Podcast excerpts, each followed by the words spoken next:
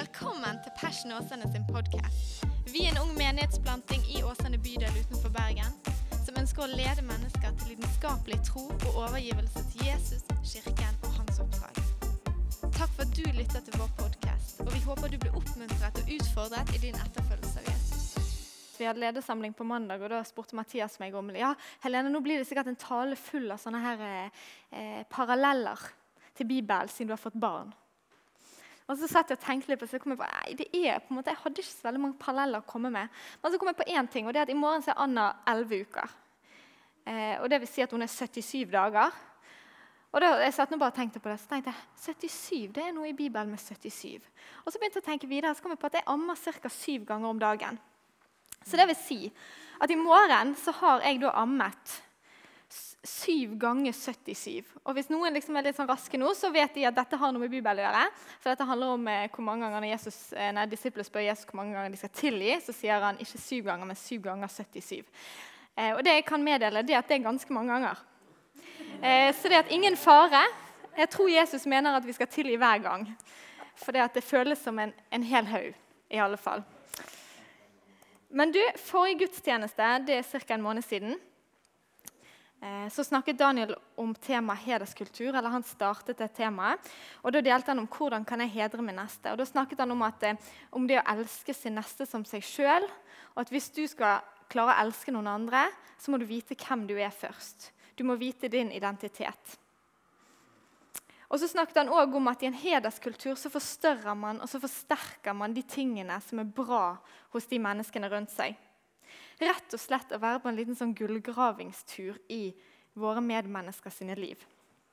Og det er jo en god ting. Og så tenkte jeg nå at jeg, Man har jo alltid lyst til å komme med et eller annet eksempel. da. Og når jeg drev og tenkte litt på dette, så kom jeg på en historie som jeg liksom egentlig ikke er kjempegod.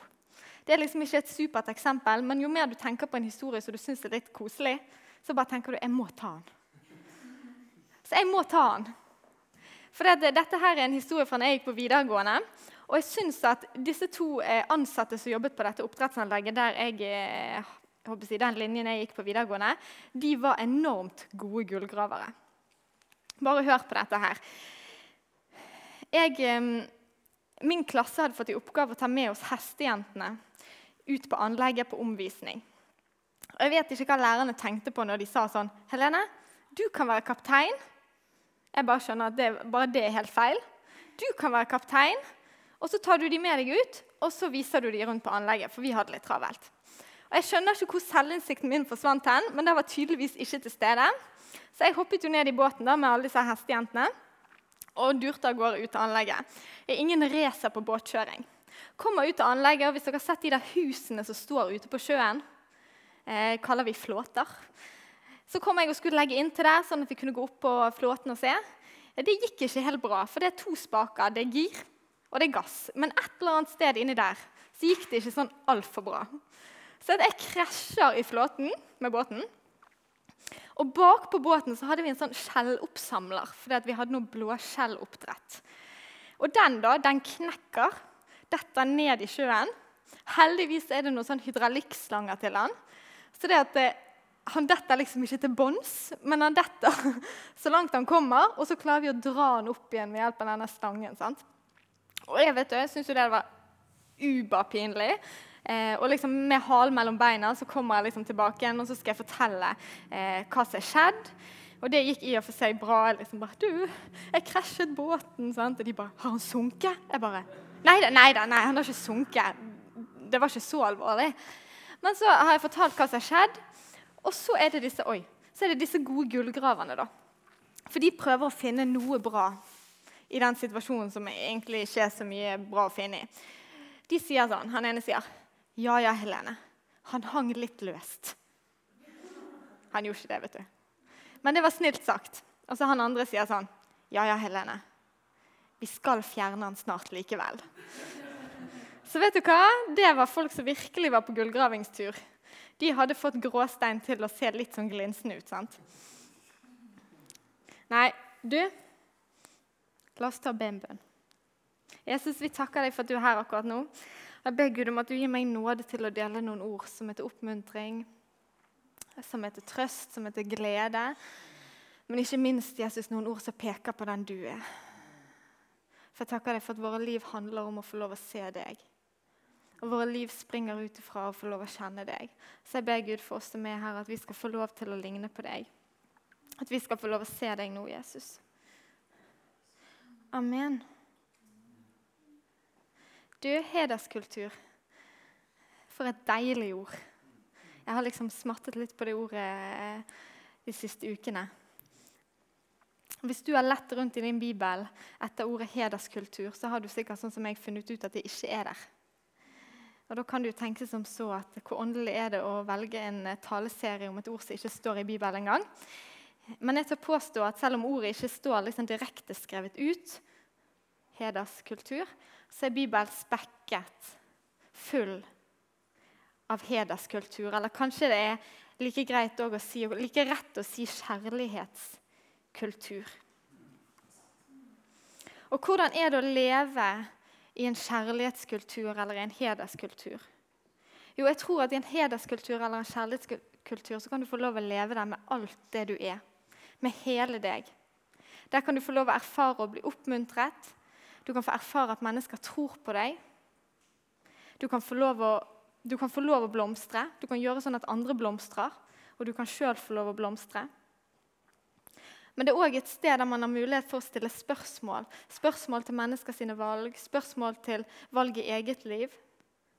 Fordi at de rundt en og en sjøl ønsker det beste for de menneskene man, menneskene man har i livet sitt.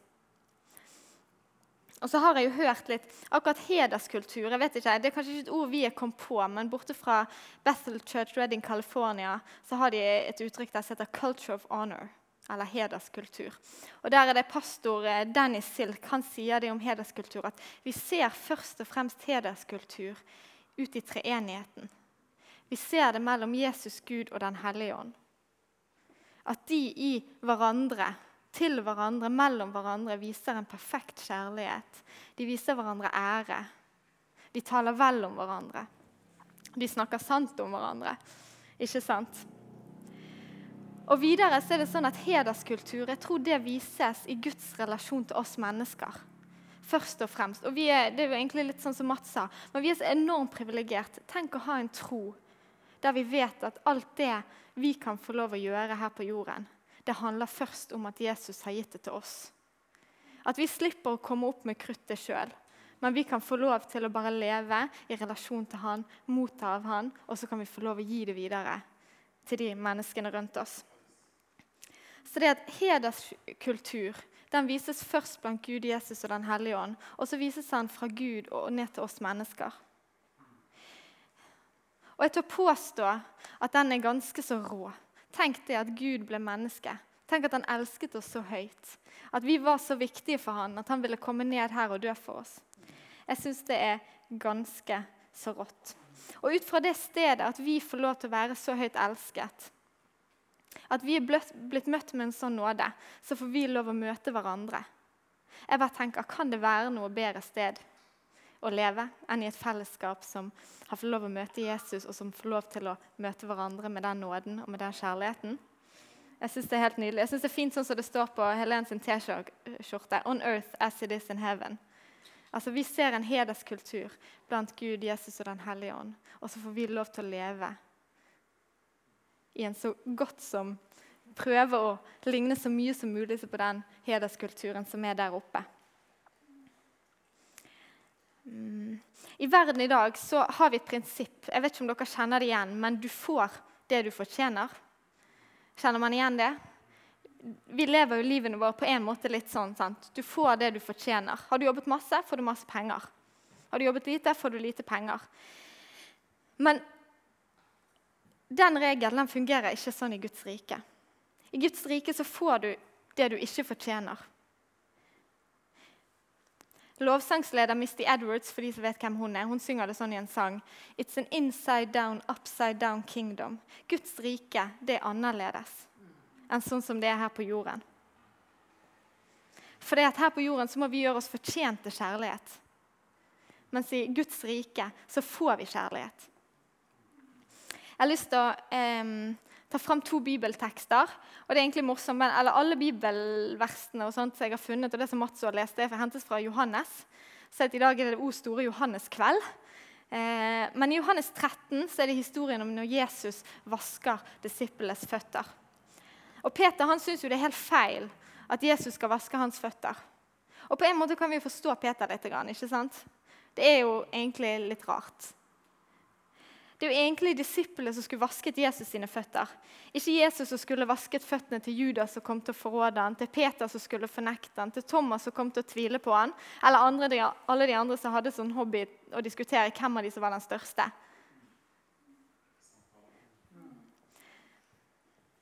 Men Jesus han bøyer seg ned.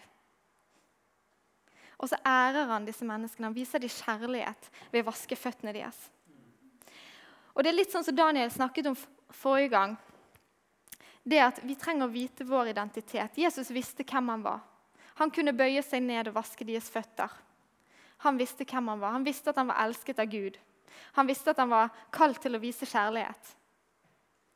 Og Sånn er det for våre liv òg. Når vi vet hvem vi er, så kan vi bøye oss ned. Så kan vi få elske mennesker. Så kan vi få tjene mennesker. Uavhengig av hvem de er, uavhengig av hva de har gjort eller av deres prestasjoner i møte med våre liv. Og Etter at Jesus har vasket eh, disiplenes føtter, så sier han nå har jeg gitt dere et eksempel for at dere skal gjøre som jeg har gjort mot dere. Nå tror jeg ikke at vi alle skal gå hjem og liksom finne håndkleet våre og binde dem rundt oss og ta vann i vaskefatet og så gå til naboen, og idet de åpner døren, så sitter du på kne liksom og venter på at de skal stappe føttene oppi. Eh, men jeg tror at Jesus han kaller oss til å leve i en sånn kjærlighets- og hederskultur. Er dere enig? At vi skal få lov å anse de andre høyere enn oss sjøl og kappes om å hedre hverandre. Ikke pga. at, at liksom vi er, ikke jeg er bra, eller ikke Mats er bra, eller Mathias er bra. Nei, men pga. at vi vet hvem vi er. Vi har fått lov å erfare Guds kjærlighet, vi har fått lov å erfare Guds nåde. Og da kan vi få lov å møte mennesker med den kjærligheten og den nåden. Jeg har lyst til å dele, jeg husker for, Det er sikkert mange år siden, men det var en, som, eh, en i Kristkirken som delte noe som jeg bare syntes var så utrolig bra. For Hun sa at når hun hadde begynt på en arbeidsplass eh, Og arbeidsplasser kan være ganske ulike. Men hun hadde vært på en arbeidsplass der miljøet var veldig kaldt. Det er akkurat som at Folk var ikke særlig snille med hverandre. Eh, det var mye baksnakking. Det var liksom et litt sånn utrivelig sted å være. Og hun visste det at jeg er blitt møtt med Guds nåde, jeg er blitt møtt med Guds kjærlighet. Jeg kan få lov å gi det videre. Hun visste at, at det hun kom til å gi, det kom til å influere det arbeidsmiljøet. Så det hun begynte å gjøre, hun begynte å sette twist på bordet. Litt sånn sikkert Snike seg inn før de andre kom om morgenen. jeg vet ikke. Legge rundt litt sånne oppmuntringslapper, si fine ting til folk. Og når hun sluttet, jeg vet ikke hvor lenge hun jobbet der, men så ble det kommentert at vet du hva, det skjedde noe med arbeidsmiljøet vårt etter at du kom. Jeg syns det er en kul historie. For vet du hva? Den nåden, den kjærligheten som får lov å bo i våre liv, og som vi får lov å kultivere, den kan få lov å gå rett inn på de stedene der vi er. På våre arbeidsplasser, på våre skoler, i våre vennegjenger, i vår familie. I Passion her. Jeg syns det er rått. Jeg syns det er rått. Og så har jeg lyst til å dele en annen eh, bibeltekst som lærer oss noe om, om, hvem Jesus er, hvordan han møter oss først og fremst. For jeg tror at Aller først så handler det om det. Hvordan møter Jesus oss? Og så skal vi ut fra det få lov å tenke Ei, hvordan skal jeg få lov å møte menneskene rundt meg.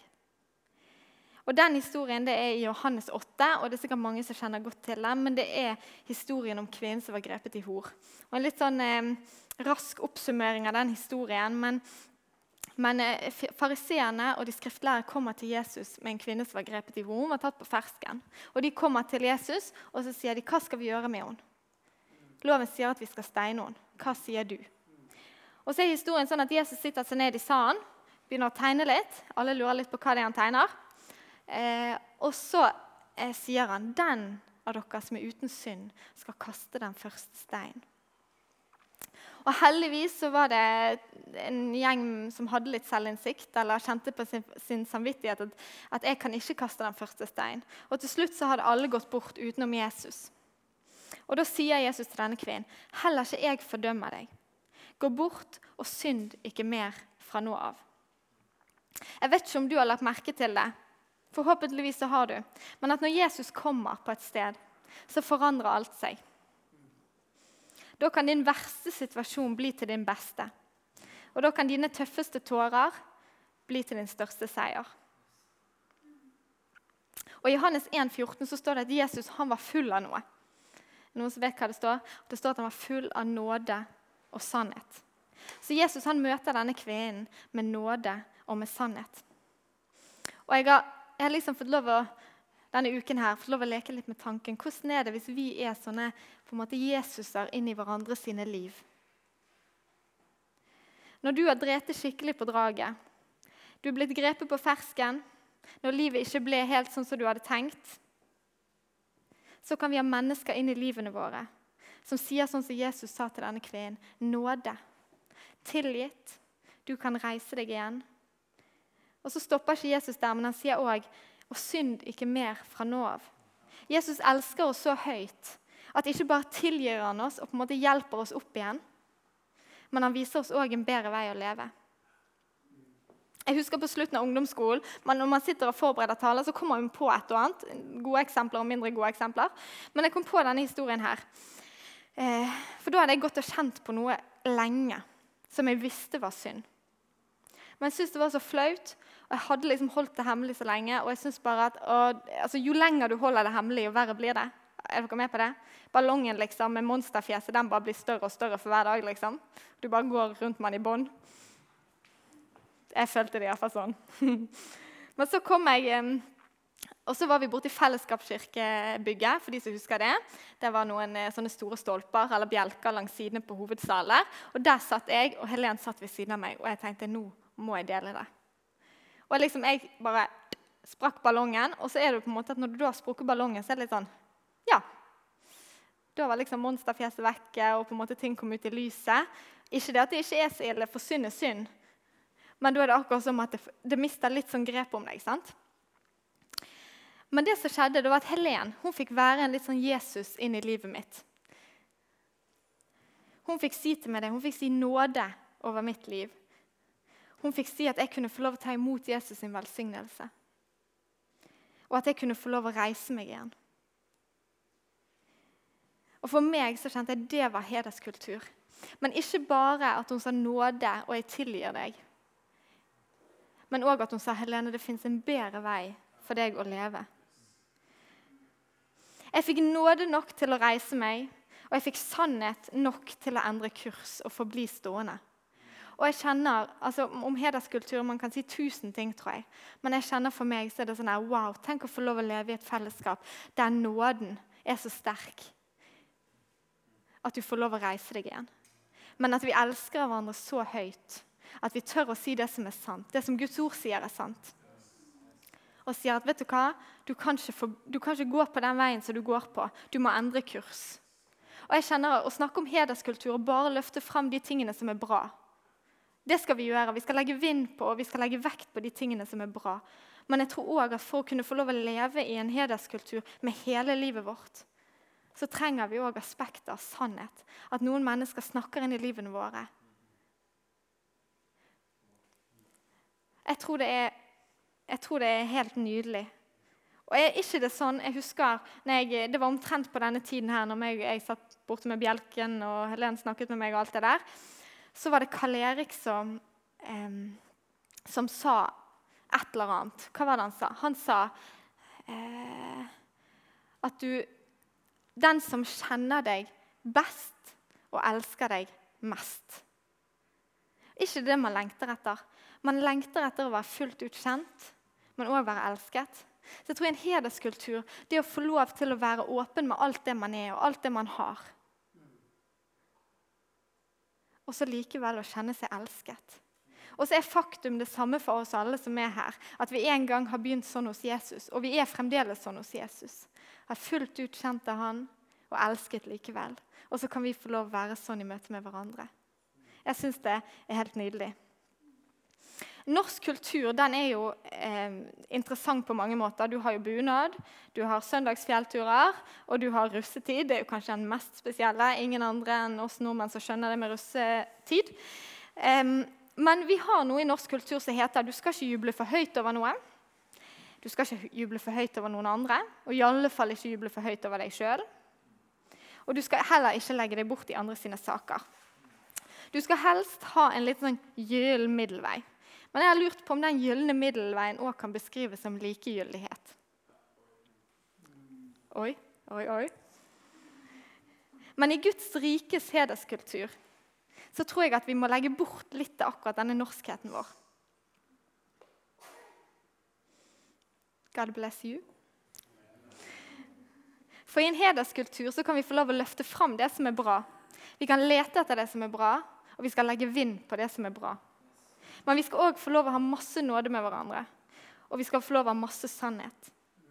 Hva vil det si? Jo, i praksis så tror jeg det vil si mm, at vi jubler og feirer det som er, som er bra, og vi heier det fram. Jeg tror det vil si at vi har masse nåde med hverandre, sånn at vi ikke er redd for å prøve. Og hvis vi feiler, så er det nåde nok til å reise seg igjen. Og til slutt så tror jeg det vil si at vi taler sannhet med hverandre. At vi har kjærlighet og bryr oss nok om hverandre til å si at dersom vi vandrer på veier, tenker tanker eller tror ting som ikke er etter Guds vilje, så gir vi beskjed. For i en hederskultur så bryr vi oss virkelig, virkelig om hverandre. Så vet du hva? Jeg skal ikke drøye det ut, men helt avslutningsvis.